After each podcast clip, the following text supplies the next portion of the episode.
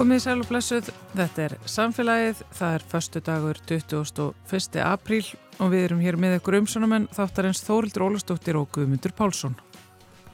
Við verum á vestfjörðum í dag.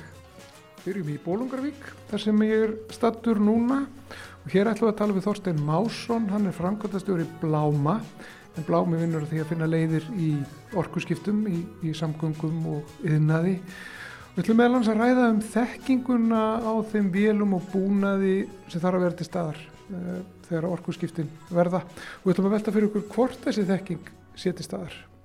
Við ræðum svo við Söndru Grankvist, selasérfræðing í dýraspjalli dagsins en hún er á Kvamstanga þar sem selasetur Íslands er statt. Sandra segir okkur allt um rannsóknir sínar á selum og hvernig staða þeirra er við Ísland. Og svo kannski útskýr hún fyrir okkur á hverju kópar eru sætasta ungviði dýraríkisins.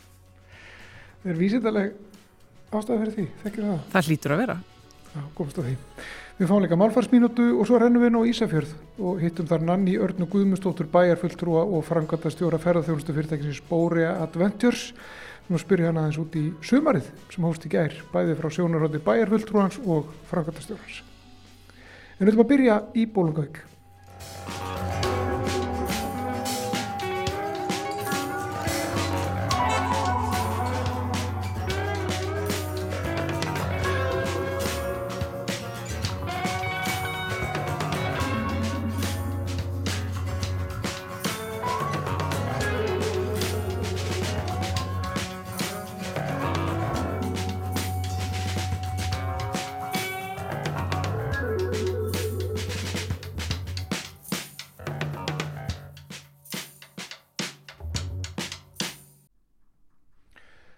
Stundum um orku skipti hér í samfélaginu og ekki bara stundum heldur bara mjög oft eiginlega.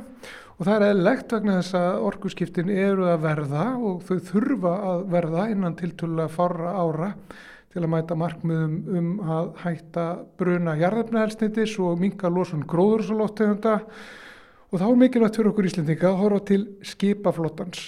Og uh, það er útið fyrir að minni bátar muni geta kýrt á rafmagni en stærri skip munu líklega að keira á því sem hefur kallað rafeldsneiti og það er talað um vettni og það er talað um metanól og ammoniak og ímislega fleira. En þetta er nýtækni sem er enn í þróun og, og ekki margir sem endilega kunna til verka þegar kemur að uppsetningu, viðhaldi og rekstri þessara nýju vjela og við erum komin hingað í Bláma í Bólungarvík Blámi já, vinnur bara beinlins að því að auka hlut vistvæns elsneitis í samgöngum og yðnaði og, og ja, afla þekkingar um þau mál og hér er Þorstein Másson, framkvæmtastjóri Bláma. Er það ekki tilfellið að já, það þarf að vera þekking til staðar þegar að þessi umskipti verða og það er ekkit langt í að þau verði og þau eru byrjuð? Já, algjörlega og ég held að hérna kannski höfum við ég sé ekki glemt þeim þætti að sérst reksturum á þessum kerfum en, en, en við höfum kannski verið svolítið upptökin á að tala um stórumyndina, veist, tala um rafverðsniti og tala um að við þurfum að virkja fyrir orkurskiptin og, og annað slíkt en, en ég held að sé líka rosa mikilvægt að við horfum á þekkinguna sem þarf að vera til stað til að reka þessi kerfi. Þannig að bara þau sem að, að bara velstjórnur okkar þau hafi getu og þekkingu til þess að innlega þetta, þjónusta þetta uh, veita viðhald og, og við erum, svona, erum að vinna því ásamt því bara leita leiða til þess að íta svona verkefnum af stað, orkusskipta verkefnum og, og, hérna, og þetta við bara uh, teljum að þetta sé risastór hlut af því að ná þessum háleitu markmiðum sem við, við höfum sett okkur varandi orkusskiptin. Sko við, við heyrum stundum af verkefnum sem eru í gangi í orkusskiptum í, í, í skip, þegar kemur að skipaflottanum við vorum bara um daginn að tala við uh, samskip um, um tvö vettniskip sem er verið að smíða fyrir, fyrir þau sko. Þannig að þetta er, þetta er byrjað þetta er að gerast. Hver er staðan svona í já þú nefndir vélstjórna áðan sem að þurfa að sem fá þetta í fangið og þurfa að innlega þetta og þetta er eins og við þekkjum sko þá þá er þetta stjætt sem kann til verka, þetta er, þetta er klárt fólk sem að vinnur þessar stjætt. En, en er þetta á hreinu? Já, þetta er alveg rétt. Þetta, algjöru, þetta fólk verða, verða algjöru líkil aðilar í, í þessum, þessum orkusskiptum. Þau eru líkil aðilar núna í að reka þessi kerfi, vélarum borði í skipum og, og veita viðhald og, og þjónusta þessi, þessi orkukerfi. Þannig að hérna, e, þannig já, ég, ég held að það sé, sko, e, þetta er náttúrulega, eins og þú segir, sko, þetta er, er byrjað og, og það er alveg rétt. Við erum farin að sjá, sko, e, svona e, hybrid kerfi sem eru þá það var með raflöður og, og einhverja dísilvel sem eru bara, það er búið að taka þau í nótkunn sem bara herjólf fiskaldisfyrirtækin hafa verið að taka fóðupramma sem eru með raflöðukerfum og, og þetta svona prinsipin eru eins en það er einhver hérna kerfin tala saman og þú þart einhverja þekking og einhvern búna til að þjónusta og, og skilja það. Og hérna og svo kannski e, Já, það er annað verkefni sem er núna í gangi, það er verið að setja e, útgerðarfélag Reykjavíkur, þau eru að koma fyrir búnaði í, í einum að tóvera félagsins til þess að nota metanól, það getur brent metanóli með, með dísilolínu. Og hérna, og, og, og sko þó að prinsipin séu sömu þegar kemur að brunavélunum, þetta eru, þessar vélar sem eru að koma núna eru fyrst og fremst dísilvélar en síðan er þeim breytt, þannig að þau geta líka brent þá þessi rafelsniti og eins og í tilfelli uh, hérna útgerðarfélag Reykj, Reykjavíkur og, og sem sagt tóvaran heitir Guðmundur í Nesi að þá er, er þetta gert eftir á. Og hérna þannig að hann getur þá bara skipta á milli. Veist, getur verið með 50% metanól 90% 10% og, og hérna þannig að þetta er að gerast og við munum sjá fleiri svona verkefni gerast og sko og aftur að prinsipinu sko prinsipið í því að brenna rafelsindi er mjög svipað og prinsipið að brenna dísilolíu. Þetta eru sprengimótorar, uh, hérna, fyrir þau sem þekkja, þetta eru fjórgengisvélar uh, sem, sem við munum nota að vera starri tvígengisvélar kannski svona í, í starri flutningarskipum og öðru slíku. Við munum sjá hérna uh, í flótanum okkar þá fjórgengisvélar en það sem er kannski öðruvísi er að það er elsnetiskerfin. Það er hvernig við sagt, annars við að færum þá metanólið eða ammoniakið eða vetnið inn á vélina og, og, og, og það er svona sem að verður er, er svolítið nýtt fyrir þá vélstjórunum og svo náttúrulega allt annað, bara allt annað dæmi er að geima og sísla með þetta elsneiti. Það er náttúrulega, við náttúrulega erum búin að sísla með dísulolju í ansi lengi og kunnum það bara óbúslega vel en það að sísla til með ammoniak í svona miklu magni, við höfum náttúrulega verið með ammoniak í höndunum sem, sem kæli miðil í fristikjærum en í svona rosalegu magni uh, að það er bara eitthvað sem er mjög mikilvægt að við skiljum og getum, þetta, er, þetta getur verið hættulegt, ammoniak er náttúrulega eitrað og, og hérna og, og, og sko ef við ætlum að byggja velstjóra framtíðarinnar maður segja bara já já, erum nú við að fara að nota ammoniak, það er bara reysa tankar hérna fullir af ammoniaki og þið bara þið græði þetta. Að veist, við, við getum eiginlega ekki lift okkur það sko, þannig að við verðum eiginlega að vera búin að kynna fyrir þeim hvað þetta er og hvernig á að nota þetta og hvernig á að dæla þessu bara um borð í skipin og geima þetta og ákveður þurfa að passa okkur og, og hérna að það brenna þessu er kannski minnsti hausverkurinn og, og, og þau kunna það og það er þekkt, þekkt aðferð sko en það er kannski þetta með að höndla þetta höndla þetta elsniti sem er alveg glæð nýtt fyrir okkur. Og hvað þarf þá að gera? Hvernig er þetta að tryggja það að þessi þekking verði til staðar vegna þess að eins og við erum búin að segja núna nokkur sinnum, þetta er bara að gerast sko. Sko, já, og það held ég að sé náttúrulega nummer 1, 2 og 3 er að uh, skólanir okkar sem, sem er að kenna uh, þeim sem fari í velstjórn þau hérna uh, innlega þetta inn í náma sitt.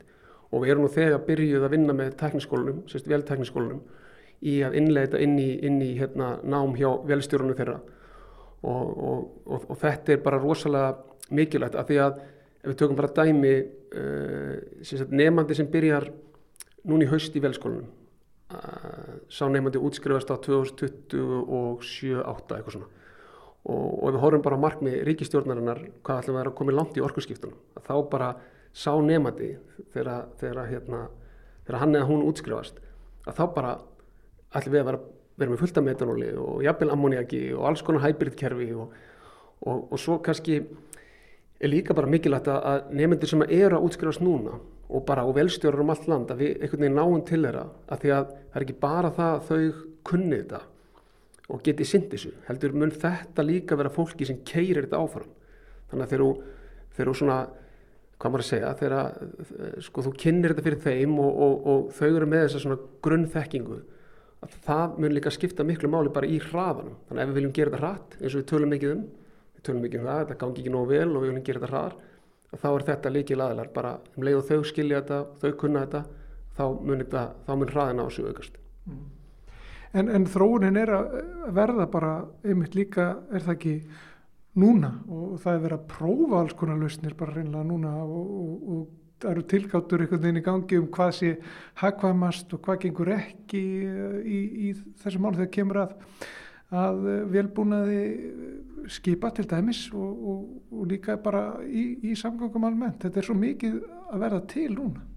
Já og kannski og aftur þó að okkur finnist þetta oft ganga hægt og við sjáum skýslunum það að við séum ekki kannski að við, við gætum verið að standa okkur betur í að draga úr losun að þá er, erum við að innlega samt sem áður nýja tækni. Þess að ég segi það er að koma metanól uh, það eru komin hybridkerfi uh, við sjáum áformum að framleiða rafelsniti á Íslandi það eru uh, hérna, stór áform fyrir hérna, norðan, það eru áform fyrir sunnan svo sjáum við til dæmis bara hérna, um heilt sögur af því bara að, að sko sem kemur aftur að þessari hvaða nöðsveld að þekkingi sé til staðar er að e, fiskældsfyrirtækinn hafa verið að innlega svona hybrid kerfi og setja raflöður í fóðupramana spara cirka 50-60% olju svo allir bara allir gladir og allt gengur vel svo bilaði kerfið.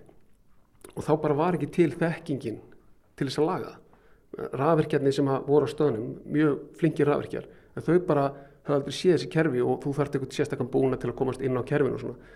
Þannig að þessi kerfi voru bara bíluð eða sem sagt óvirk þángar til að koma ykkur ellendur sérfræðingur. Og hérna og svo líka kannski önnur hlið á þessum pening að við auðvitað viljum við draga úr losun og við viljum veist, innlega nýja tækni og svona en það er líka rosalega tækifæri fyrir okkur í því að ef okkur tekst að eiga uh, velstjórnafólk sem er bara, við, við telum að sé algjörlega raunhæft að við getum átt sagt, fremsta velstjórnafólk í heimi þegar kemur að meðhöndlun á grænorku uh, tækni. Og, og það, það, þetta getur orðið bara vermætt fyrir innfyrirtækin okkar, við hefum bátasmiður sem geta nýtt sér þetta uh, verkfræðstofur, þannig við gætum alveg ef við höldum rétt á spöðunum og, og, og keirum þetta áfram, virkjum þessa huga þá, þá gætum við alveg bara verið að sjá sko, já bara íslensk tæknifyrirtæki og svona hugvit verða til á, á grunni þess að, að svona að byrja á þessu þarna á þessu, þessu leveli sko. En, en svo líka eins og nefndir að sko hvað mun koma hjá hverjum eins og þú sagðir í byrjun að það eru svona myndi segja að vera miklu líkur á því að svona minnstu bátanir okkar tökum bara svona, þú veist stranduði bátar svona, svona kannski sem að, að þessi bátar munu líklega geta farið bara nánast alfarðið yfir á ramagn og það er bara teknik sem við þekkjum. Og það mun þá þýða að, að sko, yðnaðamæri sem kemur um borða lag einhvað, hann þarf þá að skilja rafmótura stóra rámótra og hann þarf að skilja raflöður 150, 250, 350 kilowattstundar raflöður 400, 600 volt eitthvað svona. Svo kannski förum við upp skalan ef við tökum stærri báta fyrir ofan það einhverja svona línubáta 30, 100 tónar línubáta mögulega vera þeir stór hluti raflöður en einhvers konar hybridkerfi hlaðanir í landi. Svo fyrir við upp stegan og, og í raun og veru því starri sem og orgu frekari veiðafæri e, við, við erum með í höndunum. Því svona kannski verða raflöðunar e, munir þar hafa minna vægi. E, ég hugsa mér um sjá raflöður e, hins vegar í stórum skipum en, en, en sko organ mun koma úr einhver öðru. Og þá sagt, þessu rafvelsniti og, og hérna og þannig að Eh, sko, og ef við leiðum okkur svona horfa fram í tímana þá virðist vera að við hérna á Íslandi ætlum svolítið að veði á metanólið sem er búið til úr vettni, tökur úr vettni og blandar við í raun og veru í svona einföldustu mynd og blandar við þá CO2 sem þú fangar úr vesmiðum eða jarðhættavirkjunum og þá ertu komið svona kólum slutlust elsniti og, og, og, og Ísland, Þískaland virðist vera að horfa svona sömu augum á þetta og við á meðan til dæmis normenn og Japan þar verist vera svona meiri fókus á ammoniak sem elsniti sem er líka búið til að vetni. Og, og hérna og þau segja já, það er algjörlega karbonnjútra, eða það er algjörlega bara laust við, við karbon. Að en, en ég held að ég held að við hefum ekkert endilega dvelja neitt mikið við það ég held að það sé einhvað sem að eins og við Íslandíkar segjum, það er eitthvað sem reddast. Það bara gerist það sjálfur sér. Ég held að við hefum bara fókusa á að við verðum að annars vegar að velstjórnur okkar skilji hvað er að fara að gerast.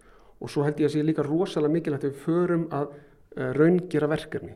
Veist, við höfum til dæmis tekið dæmi um að uh, við gætum látið smíða nýja ferju yfir breyðafjörð bara ákveði það í, í samstarfi við rekstarraðalina eða, eða að því að ríkið sér um í raun og veru eða sem sagt ríkið gerir þjónusinsamning það var til dæmis kjörin uh, að bald, nýr baldur myndi nota metanól.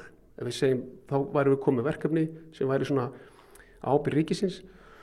Uh, Grímsæðaferjan, hún getur verið líka annað mjög gott dæmi, við getum byrjað á þessum uh, verkefnum, ég held að það sé rosalega mikilvægt og, og bara það að tilkynna um það, bara að segja ríkið ætlar að láta nýju Grímsæðaferjan að vera metanól, að það mun svona, veist, uh, fólk með það hafa kannski meiri trú á, á þessari vekkferð sem við erum í, en, en aftur, við höfum sjáum engaðila vera að gera þetta núna, útgerðafélag Reykjavíkur, við vitum að önnur útgerðafélag að skoða þess, þessa möguleika Þannig að ef ríkið hendir þessu líka stað hjá sér að þá held ég að það geti gerst hrætt. Og svo eru, eins og þú segir, þá þarf líka að tryggja það að þessi tækni sé kend í, í skólunum og það, er, það getur verið svolítið átæk líka. Algjörlega, en við erum bara rosalega hérna, ánað með viðtökurnar eins og hjá tækniskólunum og, og, og fleirum. Bara, þau eru mjög áfram með þetta og, og ég held að við munum bara gera frábæra hluti núna á næstu bara mánuðum árum þegar kemur að þessu að innlega þetta hjá hjá velsefnar og tæknifólki sko. Sko láta þessu lokið Þorstein Másson, frangatastjóri Bláma hér í, í Bólugavík. Takk hella fyrir að taka á mót okkur. Já, bara takk fyrir mig.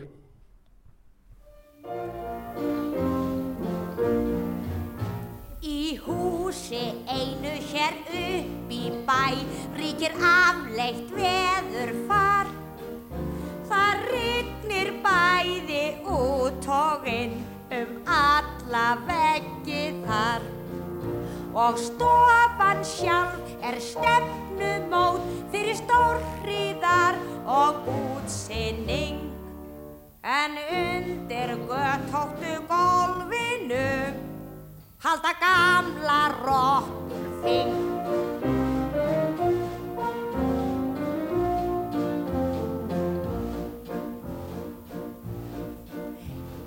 húsi þessu býr ekja ein sem á ungan hraustan son. Er stundar vel þann starfa sinn að stela lón og dorn hann er að brjótast inn í hús allt frá árdegi til sólalags og ef hann settur er upp í stein brýst hann út úr honum strax.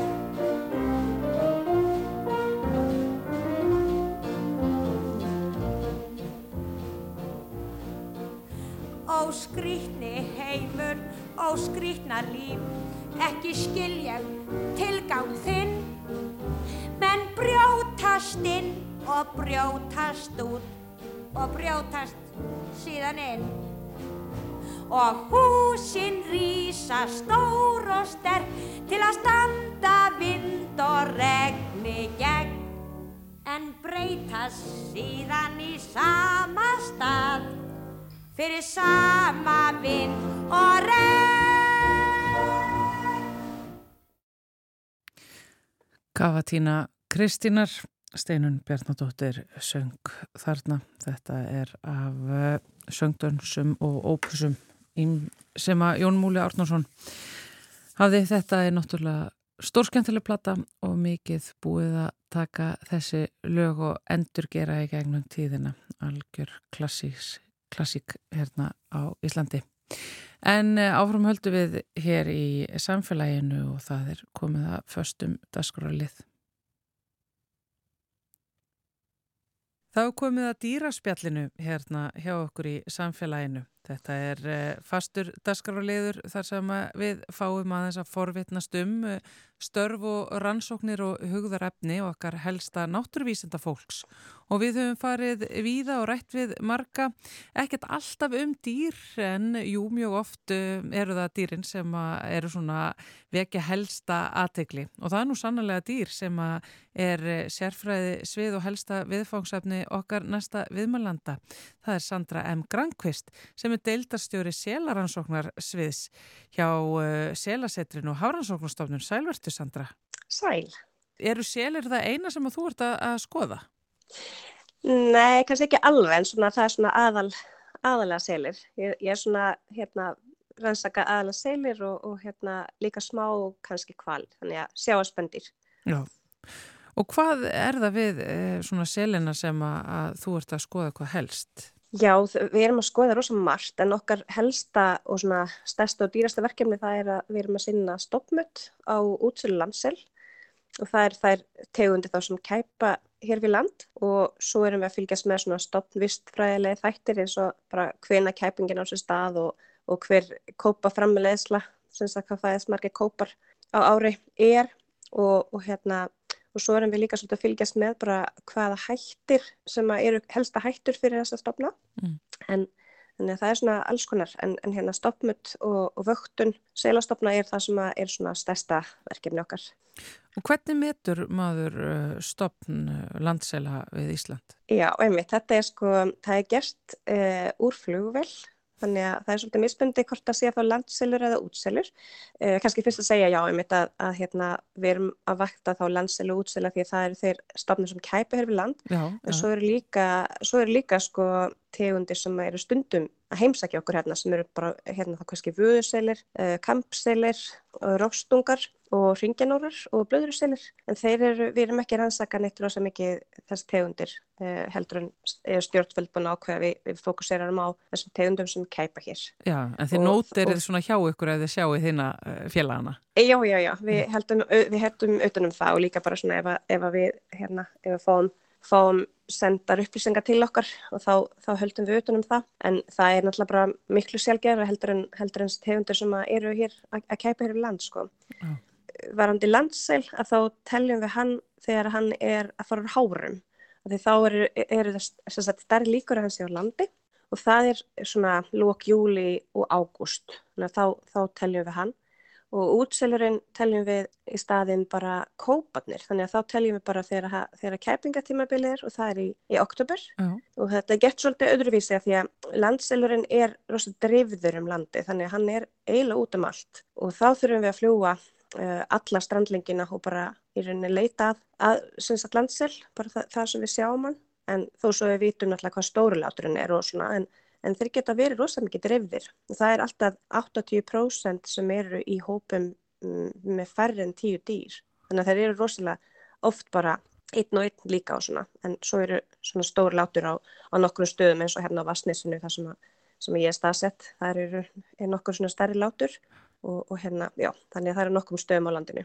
En svo, e, svo útselurinn, þá teljum við þá þegar þeir eru að kæpa eins og ég segi og þá, þá metum við e, kópaframlegslega eins og við segjum, ja, pop production og þá reknum við út hvað fæðast margi kópar og svo út frá því að þá metum við hvað stofnun er stóri í hildsinni. Og það er svona eins öðruvísi vegna þess að uh, útselskópar fara svo lítið út í sjó. Þannig að þá vitum við svona cirka hvað þeir eru lengi í láturina á þess að yfirgefa það. Þannig að þá getum við heimsátt látrið úr lofti, nokkur skipti um, og svona helst fjögur skipti. Og þá getum við rekna út hvað hafa margir fæst á kæpingatímbilin og sen út frá því getum við rekna út um, þá hvað eru margir í heilsinni. Þetta er náttúrulega öruglega einn greiðlegast að vinna sem ég hef hert um. Og fljúa um landið og telja seli. Já, þetta er, þetta er mjög skemmtilegt sko en, en rosa krefjandi að þetta er svona litlar flugvelar og, og hristist mikið og svona.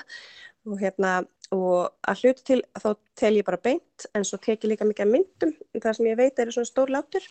Og tek ég myndir svo teljum við bara þegar við komum sagt, inn aftur inn á skrifstofu. Já, en þetta er sem sagt skemmtilegt, þú segir það Sandra? Já, já, þetta er, þetta er alveg bara, það er alveg, vinnan mín er rosa skemmtileg, ég ger aldrei það sama, tvo dagi röðleiku við sko og maður veitir henni aldrei hvað verkefni sem að maður er að fara að vinna að því að alltaf, það kemur alltaf upp eitthvað svona bara eitthvað nýtt og þannig að það er aldrei allavega, mann leiðist allavega aldrei í vinnunni sko. En, en það er mjög mikið að gera.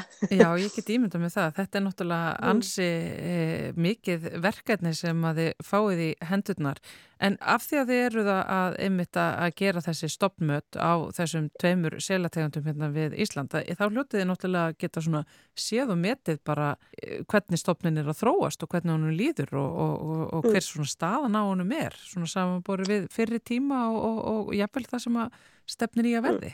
Akkurat og það er svona markmiðið með þessu. Þannig að við í, í rauninni gerum þetta, getum að sagt svona fyrir stjórnvöld sem að í rauninni byður okkar um að gera þetta til þess að við getum þá gefið ráðgjöf. Þannig að við nýtum niðurstöður okkar varandi eh, úr, úr bæði stoppmötinn og allir þessi vöktur sem við gerum og, og gefum ráðgjöf og þá meðal annars bara hvað er hvað, hvað þætti þarf að passa upp að varandi sjálfbarnir stopps og, og hvort það sé lægi að veiða og þá hvað við getum veikt mikið, hvað viðfólið er og svo framvegis.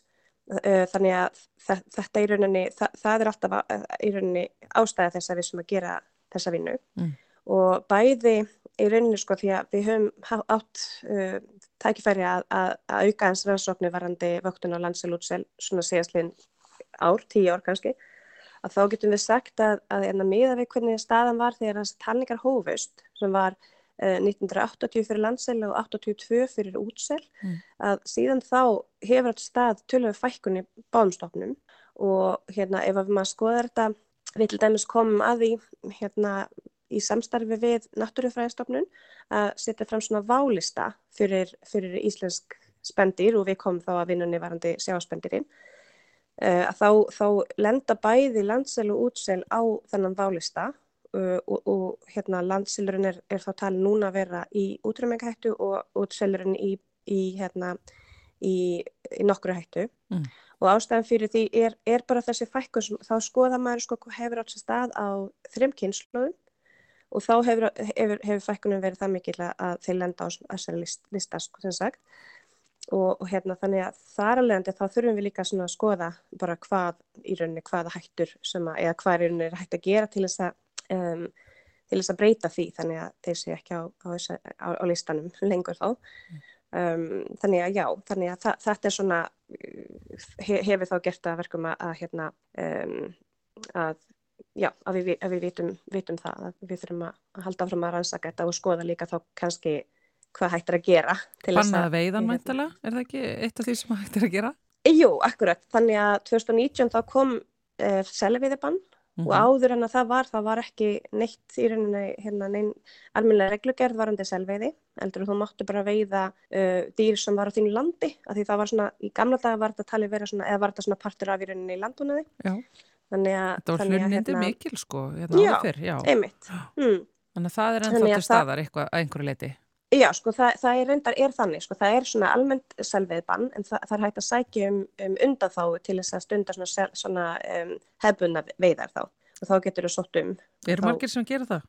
Það, það er alveg eitthvað, já, eitthvað aðeins. Mm. En þegar að selveiðbanni kom 2019 að þá var aðalveiðin um, í kringum lagsveiða ár, vegna þess að menn taldi það lengi vel að selir geta eh, mjög mikið af lagsfiska mm -hmm. og þá var veitt mikið kringum lagsveiðar af veiðufylgum og, og hérna, aðra aðeila til þess að halda niður á stoppstærinni raunni yeah. og hérna en síðan hérna vitum við það að það vissulega, vissulega gerist að e-, einstakir selir sérhæfa sig og taka lagsfiska en á sama tíma þá höfum við rannsakað þetta mikið og vitum að það sé Um, það er ekki allir sem gera það og það er frekar óalgengt og við rannsökum þetta á hérna, í nokkur ári kringum nokkur svona um, veiðár og þá, þá kemur það í ljósa að það er alveg frekar óalgengt að hérna, það er mjög fáara einstaklega sem gera þannig að það að fara að skjóta bara einhverju selir, það hefur ekki árif á, um, á sagt, uppskera manna. Ja. heldur en það þurft að liggja yfir og skoða þá bara hvað er einstaklingu sem er að gera þetta uh, ef maður ætlar að vera með þannig veiði. En það er núna uh, í rauninni, já það, þannig veiði er þá núna þess vegna ekki lengur leið. En það fækkar sem sagt í báðum stopnum og þú nefnir einmitt það, það er þá bannað að veiða þá og það er búið að sína fram á að það er líka þá óþarfi þegar það er verið að grísja þarna út af einhverjum lagsveiði ám og slíku, það er einhver svona hefðaréttur til veiða sem er nýtt að einhverju leiti. Uh, þannig að hvað annað samt er það Sandra sem að gera það verkum fyrir utan náttúrulega veiðar mannana og, og dráp á selunum sem að gera það verkum að það fækkar svona í stofnunum? Já, einmitt, það er náttúrulega ekki lengur, uh, það er ekki lengur talin vera veiðin sko, því að það er alveg, hérna, er veiðar sem eru núna í gangi eru bara selbærar og við, hérna, þannig að við vitum það að það er rosa lítið af svona beina veiðar núna. Mm -hmm. En hins vegar þá, þá er alls konar aðra þættir sem geta eftir áhrif og, og eitt, eitt er að þeir, hérna, druknaði svolítið stóru magni í, í, í fiskveiðar, sem sagt, hérna svona sem hjáviði. Í festast í netum? Festast í netum og drukna, það, það er töluvert af því þannig að við fylgjumst mikið með því í samstarfið fiskastofu um, og síðan, síðan alltaf sko hérna þá, þá eru aðra þættir sem við veitum ekki mikið um eins og bara hvað hva árið það hefur að hérna hlýnum sjávar og, og svo framvegis. Og við fylgjumst líka með mikið sko í okkar ansóknum uh, alls konar samspil við þá hérna við uh, fiskveiðar og meðal annars þá fylgjast við með hvað, hvað selnir er að geta af því það er líka náttúrulega hugsanlegt og hérna eitthvað sem mann heyrir ofta að selur hafa áhrif á, á þá nýtjaveiðar. Þannig að við fylgjumst mikið með bara hvað selnir er að geta eins og ég sagði áðan þá vorum við að gera stóri rannsókn að skoða hvort við geta mikið lagsfiska en svo reyndist ekki vera uh -huh. og svo, en svo erum við líka að skoða svona hvaða hvort við sé geta mikið af öðrum fisk, fiskum eins og, og þosk og svo les, þoskfiska og, og hérna og síld og svo les og, og hérna rannsaka það. Og sen erum við líka uh, að við erum búin að vera að merkja síðan líka til að skoða hvort að séu hvaða svæði sem þeir nota sér þegar þeir eru orðið að sjó. Að því að við teljum það náttúrulega bara á landi þannig að við veitum hvað þeir eru nokt veginn á þessum tímabilum sem ég nefndi á þann þegar þeir eru að kæpa varandi útselinn og, og hérna landstilinn þá þegar hann er að fara á hórum þá veitum við svona hvað þeir eru. Og við veitum ekki mjög mikið um hvað þeir eru, eru þegar þeir eru út að sjó sem er náttúrulega bara, eða í sjónum sem er náttúrulega bara mjög mikilvægur hérna, tími líka hjá selum sko. Þannig að við viljum vita líka svona hvort þessi að nýta sama svæðin og, og, og hérna sem sagt skipin. Þannig að það sé hægt þá að, að kortleggja það. Þannig að við, það er eitthvað sem við erum að skoða. En svo er líka annað sem er hérna, líklegt að hefur árifa því að við kallum þetta sjáaspendir en við gleymum fyrir selið, bæði landselur og útselur, þá er tímur sem þeir eru á landi mjög mikilvægur, því þeir bæði kæpa landi mm. og fara úr hárum og það er mikilvægt fyrir þá að fá þá frið og svona og það sem hefur gæst núna hennar síðast linn svona 10-15 ári sem við vitum, það er náttúrulega auknin, auk, mjög mikil aukning á ferðarmennsku og það eru fólk út um allt eins og við vitum sko Já. og við, við erum mikið að skoða hvað árið það getur haft sko og hérna meðal annars þá í samstæðu hérna við seilasetrið að þá erum við með líka ferðmálafræði deilt þannig að við skoðum þetta mikið svona þörfælegt og ég sem lífræðingur skoða hvað, hvað árif það hefur á, á atverðli selana að það sé að vera tröflað á og hvort þið færa sig utar og, og hérna og hvort þið séu, maður sé að beint að, haf, að ferðminn hafa árif svo erum við líka svona að skoða þörfælega hvað er hægt að gera þá af því að það er mikið af fyrirtækjum sem er að gera út á selaskoðun og eins og kvalaskoðun og svona. Og hér á komstanga til að mér sér bæði hefur allan verið þangar til COVID-kom þá var bæði sel skoðunarskip sem sagt sem verður hægt að fara og skoða seli frá sjó. Og svo nokkur stöðum er búið að byggja upp ferðarskoðunar staði þannig að við viljum vita sko bæði hvaða árif þetta getur haft á selastofnin en líka svona hvernig hættir að að þróa þetta sjálfbaran hátt. Þannig að við vinnum þetta svolítið með einmitt ferðmálafræðingar til þess að geta svona finn, vita hvort það sé hægt að finna einhver lust sem hefur lítið lárið á selin og sama tíma ferðamenn og, og yðnan eru sátt við sko. En kæmi það þá einmitt, kannski einmitt í greina til þess að ef að við myndum grýpa beint inni til þess að styðja við það, stopnar þess að tvekja selategund og taki við sér að nýju, að það er því að vel sett sko veiði bann á hafi úti þar sem að er vita til þess ef að rannsóknir eitthvað leiða í ljós þeir eru á þessu svæði og þessum tíma og þar leðandir allir ekki leifa skipum að fara um þetta svæði og síðan er mitt að það sé gert einhvers konar selalátur friðland kæp, kæpingardelt sem enginn má koma inn á uh, og túristast um. Einhver svona yngripp myndi þá mögulega kannski hjálpa Já, einmitt, það er svona eitthvað sem að e, væri hægt að skoða og það var meðal annars hérna að því að það var, e, það eru tölverta sel sem festast í gránslupinetum að þá var gerð tilraun hérna fyrir nokkrum árum meðal að loka einhver svæði þar sem var mikil hjáviði. Þannig að þetta hefur verið reynd en það, ég held að það ekki alveg komið á reynd hérna niðurstöðunar hvaða árið það hefur sko en, en það er svona eitthvað, eitt af því sem er hægt að gera en það er náttúrulega vega að meta því það er náttúrulega kostur og gallar ja, þá, þá hérna, misbunda hagsmuna aðila minni sem að hérna, e, þarf að vega að meta inn sko. Já, já. Það því að auðvitað eins og það sem að, það sem að, hérna, það sem að margir selir festast, það er náttúrulega því að í grásleppinu, það er náttúrulega því að það er líka það sem grásleppan er. Þegar þeir nota sama svæði grásleppur og, og, og, og selir þannig að það er svolítið erfitt að loka svæði og halda áfram að veiða grásleppu samt sko af því það, þeir vilja náttúrulega fara það sem að, það sem að hérna, fiskurinn er. Þannig að þetta er, svona, þetta er ekki rosalega auðvelt að gera þetta sko heldur en að því það er margir mismundi hagsmunna aðeila sem, er að, sem að, hérna, eru með í þessu samspili. Um, en, en vissulega svona einhvers konar gríðasvæði fyrir seli er, er einn möguleiki til þess að lámarka áhrif sérstaklega þá kannski fyrir að ferðamannum og svona því að núna ætla ég búið að, að, að banna hérna selveiðar almennt. Þannig að um, annars í öðrum, á öðrum stöðum þá er sumstaðar svæða sem má ekki veiða en núna má ekki veiða nema bara þessi undanfáður og það er rosa fá dýr sem, á ári sem er leif þannig að já, en þetta, þetta er tvær góða til, tillögur, klárlega. Mesta fekkunin var en landsild til að misátt sér stað fyrir uh, 30-40 árum sko Um, þannig að þá, þá fækkaði til dæmis millir 80 og 90, þá fækkaði í landsinnstofnin frá 33.000 nýri svona 15.000 dýr bara á 10 árum og ástæðan fyrir því var, að, var þá, þá var hérna ringorma nefnd, það sem var markvist fyrir að veiða landsili til þess að lámarka uh, ringorm í þorskfiska. Það var svona þá markvist verið að gera þetta. Og síðan þá hefur helt fækkunin áfram bara ekki alveg eins rætt næstu svona 20 árin.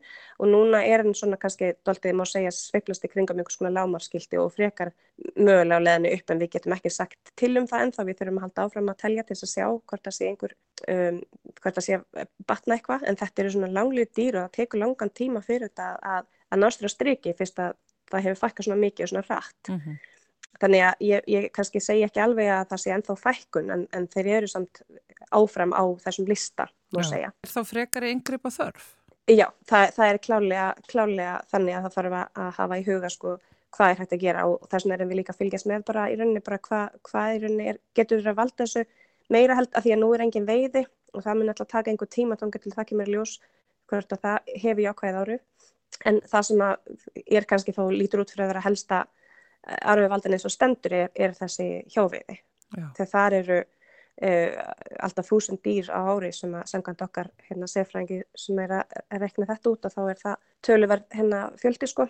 Og þá er það kannski þar sem að, og það er líka sko, það er erfitt að grýpa innvarðandi hlínu sjávar til dæmis af því það er möguleikin að, að það hefur árið líka og fæðu frambúð og svo framvegis.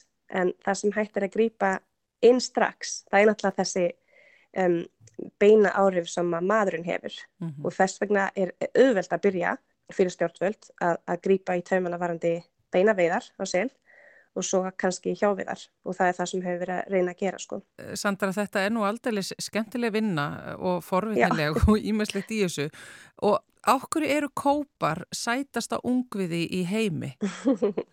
Finnst þér það ekki sjálfur? Ég held að sé, ég reyndar ef við tilgótt, ég held að sé að þeir þurfum með svo stóru augu.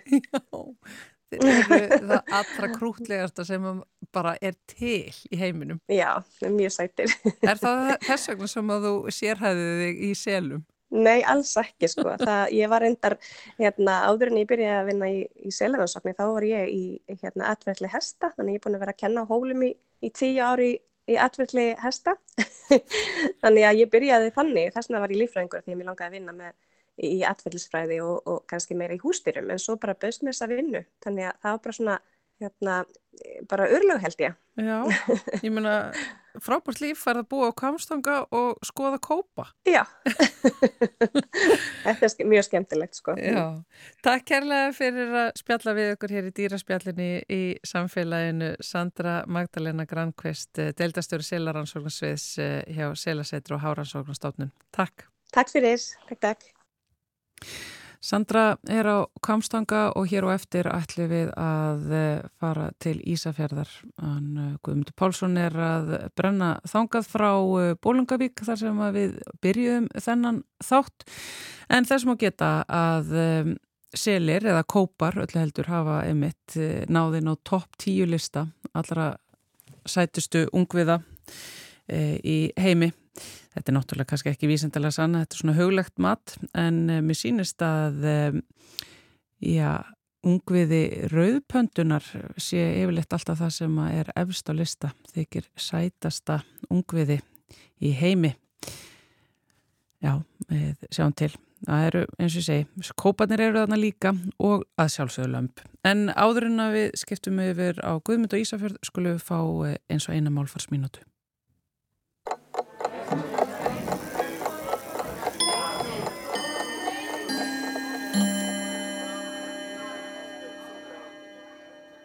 Undanfarið hafa málfarsmínútur snúist um húsgögn sem beri heiti af erlendum uppruna. Sum eru enni fullri nótkun, svo sem sófi, en önnur eru orðin fáttíðari og heiti þeirra þar aflegandi líka. Eitt af þessum tökku orðum er ottoman.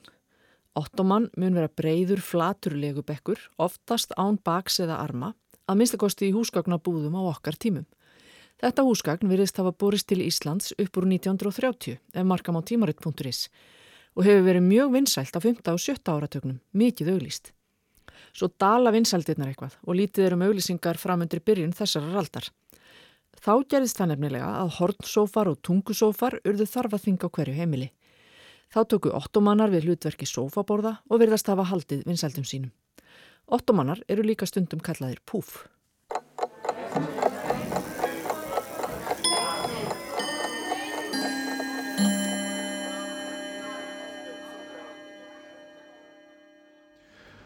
Það eru komin inn á Ísafjörð og ég er hérna í aðalstrætinu. Í höfustöðum Bórea Adventures sem er ferðarþjónustu fyrirtæki hér á Ísafjörði og hér er framkvæmtastjóri Nanni Arna Guðmustóttir hún er líka bæjafulltrúi hér á Ísafjörði Takk fyrir að taka á mót okkur hér. Velkomin. Ef við byrjum aðeins á okkur langar nú að tala um ímislegt við þig en ef við byrjum bara á á bænum Ísafjörðabæ hvernig var veturinn hér? Nú er veturinn liðinn. Sumandagur að fyrstu verið gæð við erum að tala saman á, á sumandeginum öðrum, ef við getum sagt þess að hvernig var veturinn? Sko veturinn var bara ágætur. Hann, hérna, ég verði að segja hann hefur oft verið verið það var hérna frekar snjólétt sem er gott fyrir uh, fjárhans sveitafélagsins ekki eins gott fyrir skíðafólk. En hérna en það var, var kaplaskiptir sem er kannski líka svolítið leðilegt að við viljum eða allavega þá vil ég hafa vetur þegar það er vetur en það var, það var kaldast í november, það var kaldast í janúar, það var heitast í februar, þetta var svona algjörstrugl í, í veðrinu. En hérna svona mannlífið og heilt yfir gekk veturinn bara mjög vel í sveitafélaginu engin, engin áföll.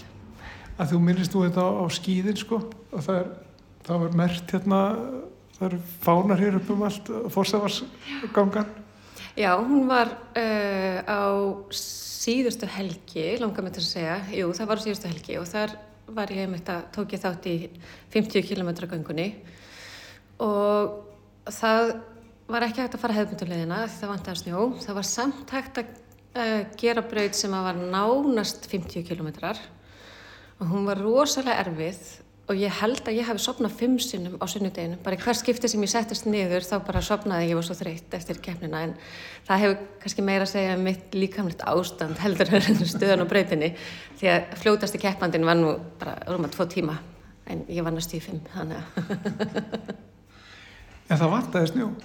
Já, það vantaði snjó. Við gátum byrjað reyndar á sama stað og keppningin byrjar alltaf upp og seljanastar upp á göngusæði en það er var engöngu vegna þess að starfsmenn skíasvæðisins voru búin að leggja nótt og dag við að gera þetta almenlegt fyrir okkur sko. Mm.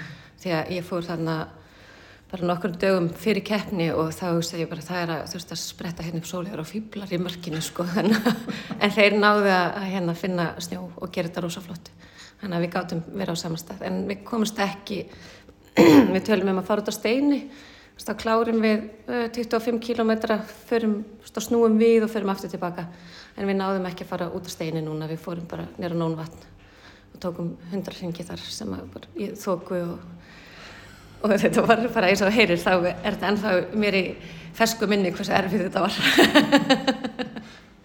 En svo er náttúrulega alltaf þessi viðbyrjus hér, það var náttúrulega tónlistarháttíðin aldrei fyrir söður uh, núna bara um daginn þetta, það er alltaf það er alltaf eitthvað um að vera hér og það er alltaf eitthvað sem er stemt að. Það er alltaf eitthvað svona handan hóttu Ó já, það, og það er svo gott.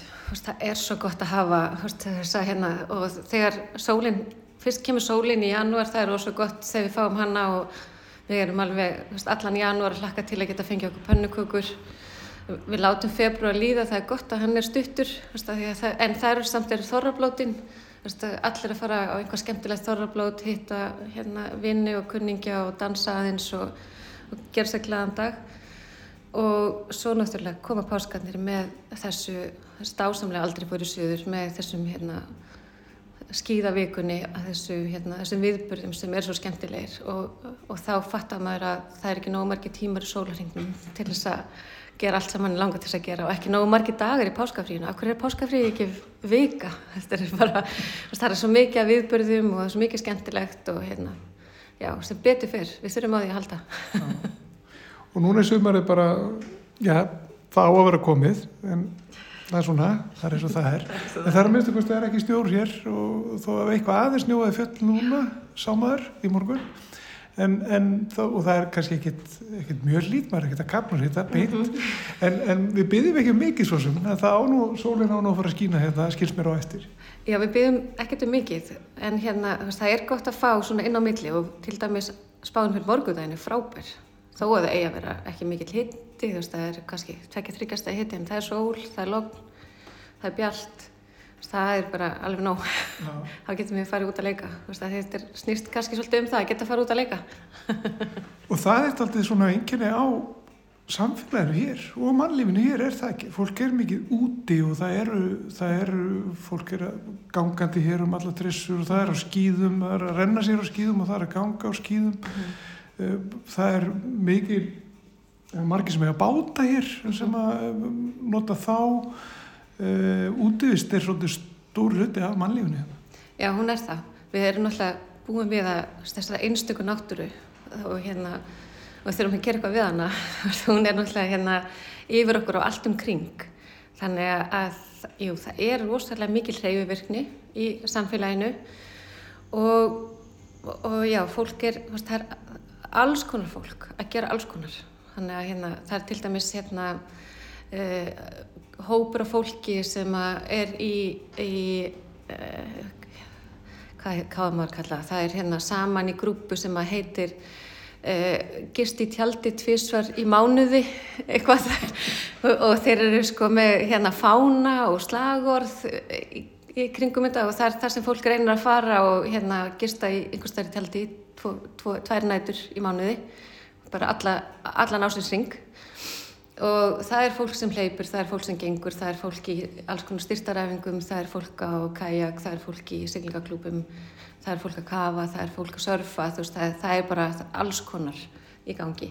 Og, og svo þeir sem hafi ekki þessa gríðarlega, gríðarlega miklu hreyfi þarf eru samt að gera alls konar hluti, það er mikið menningarlíf, bæði leiklist og tónlist og myndlist, þannig að ég myndi að segja að þetta væri mjög virt samfélag. Já. Já. En ef við þá færum okkur aðeins meira yfir það sem að, að þú gerir hér mm -hmm. og þið hjá Bória Adventures sem er ferðarþjónustu fyrirtæki mm -hmm. hér á Ísafjörði uh, sem að gengur út af það náttúrulega að vera úti og, mm -hmm. og skoða náttúruna og, og vera þáttakandi svona í já, vera bara beitt þáttakandi í, í náttúrunni, ja. vera bara úti í náttúrunni og finna fyrir henni og, og þess að þar.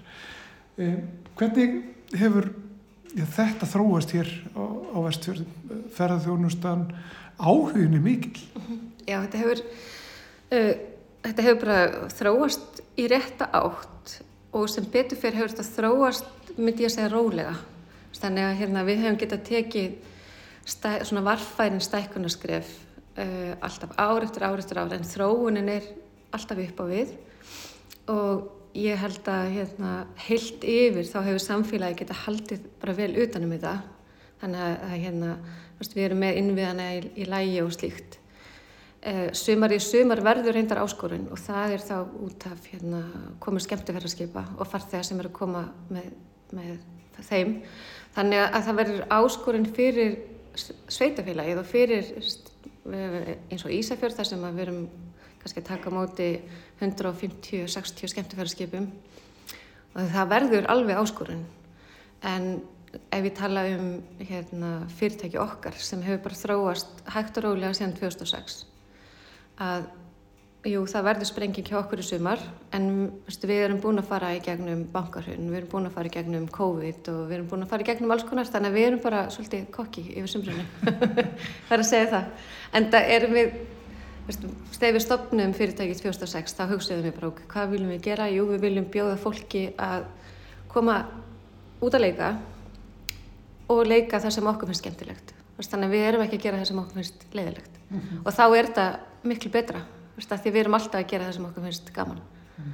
Þannig að hérna, þó að það verði fá mikið að gestum og þó að Sumir dagar séu svona rosalangir og ímislegt getur komið upp á og þá erum við samt að kljást við hluti sem okkur finnst skemmtilegt. Þannig að það skiptir rosa mjög máli. Og hvað eru það að gera? Hvað, hvernig ferðir bjóðum við upp? Sko við bjóðum upp á alls konar ferðir og við segjum yfirleitt að hérna, við erum ástíðabundi fyrirtæki þannig að við, við förum í ringi, við skiptum um, við lærðum það einhver tíma þegar við fórum í Alpana og hérna ætluðum að fara að hjóla í september að hérna, það var bara svo hjólasísónu var búið, mm. bara já ok, þetta er hérna þetta er gott. Og einhvern tíma fórum við á strönd á Ítalíu og hérna það var bara já, nei, við erum búin að pakka saman og hérna strandtímabilið, er, það er búið. Þess að það er hægt að gera þetta. Þannig að við gerum þetta. Þannig að við byrjum í lóki januar með hérna ljósmyndaferðir þar sem við erum með engungum með kuna sem hafa áhuga á því að ljósmyndaref sem er mjög sérstakt og skemmtilegt. Og þetta er náttúrulega mjög sérstakir og skemmtilegur kunahópur svona presís svolítið. Mm -hmm. en hérna hann að við förum bara ég held að við höfum verið að fara tólf sinnum núna í janúar, februar og mars með hópa í Fríðlandi því hús sem við erum að, að hérna, passa. Og þar erum við með hópana í svona 5-6 daga. Og þau liggja út og taka mynda ref. Við erum inni að elda mat og hafa svolítið kósi og hérna sinnum þeim þannig.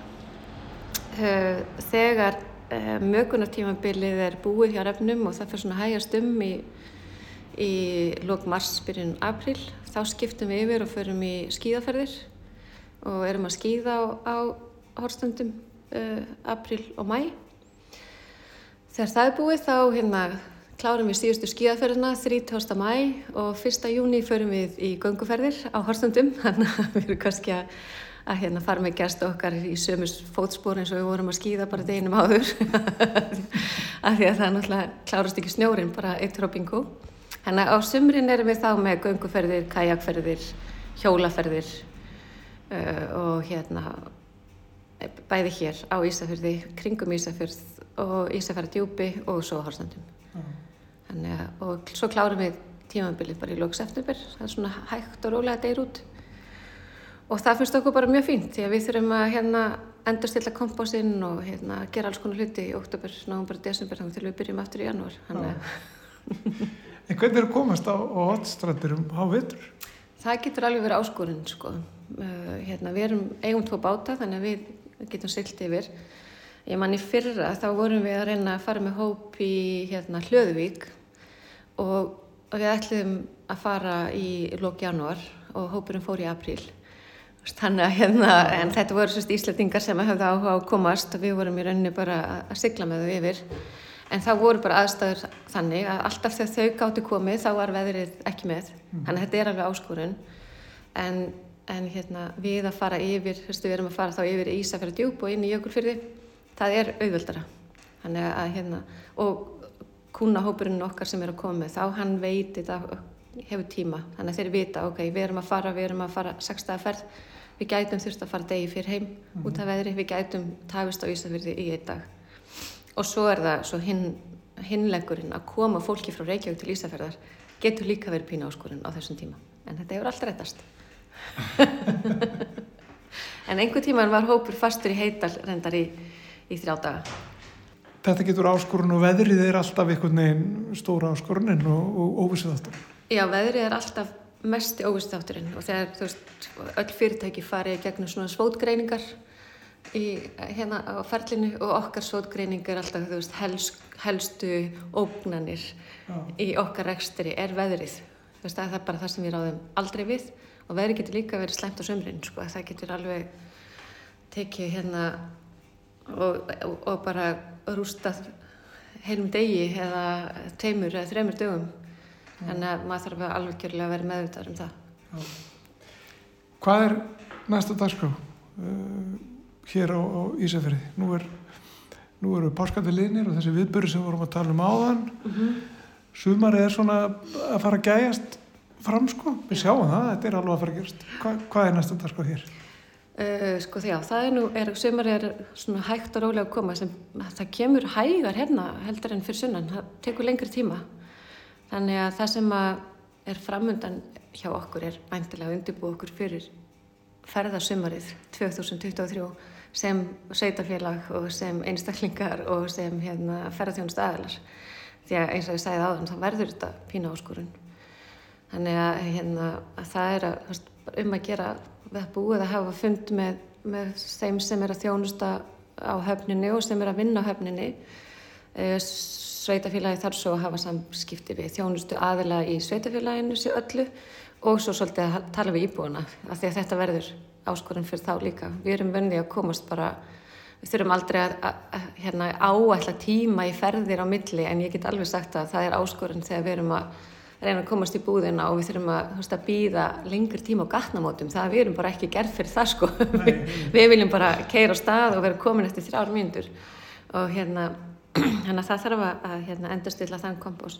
Svo er náttúrulega bara fullt af verkefnum að fara stað hjá sveitafélaginu. Við erum að vinna við lengingu uh, sundabakkans, við erum að fara í alls konar hérna, uh, vassvitu og frávituverkefni, skiplásmál, því að sveitafélagið er að stækka. Það er, hérna, það er rosalega mikil jákvæðni og það er rosalega mikil gerjun Ég er náttúrulega búin að búa einn alltaf nema fyrir auðvitað nokkur ár sem við byggum fyrir sunnan í, í námi og það hefur breyst rosalega síðan við komum heim 99 og til dagsins í dag. Það hefur komið hæður og læðir en þessi hæð sem er í gangi núna hún er bara einhvað sem ég hef ekki séð síðan bara tóra tífambilinu 1980. Það er hérna rosalega mikil gerjun og jákvægt í gangi. Þannig að það er verið að gera nýtt eilskipulög, það er verið búið til nýtt aðalskipulag og þannig að hérna, það er alls konar skemmtilegt í gangi. Það er gaman að vera í sveitarstjórn. Við skulum bara ljúka þessu svona á jákvæðum nótum. Já. Nanni Arna Guðmundsdóttir, eh, bæjafulltrúi hér í Ísafæra bæ og framkvæmtastjóri Bóri Adventures ferðarþjónustu fyrirtækisins. Takk fyrir þetta. Já, takk fyrir mig. Já, Guðmundur Pálsson á Ísafyrði og uh, með uh, því líkur samfélaginu í dag. Já, ekki bara í dag, heldur þessa vikuna, það er förstu dagur. Helgi framöndan, njótið hennar kæru hlustendur við Þóldur Ólistóttur og Guðmundur Pálsson hveðjum, verið sæl.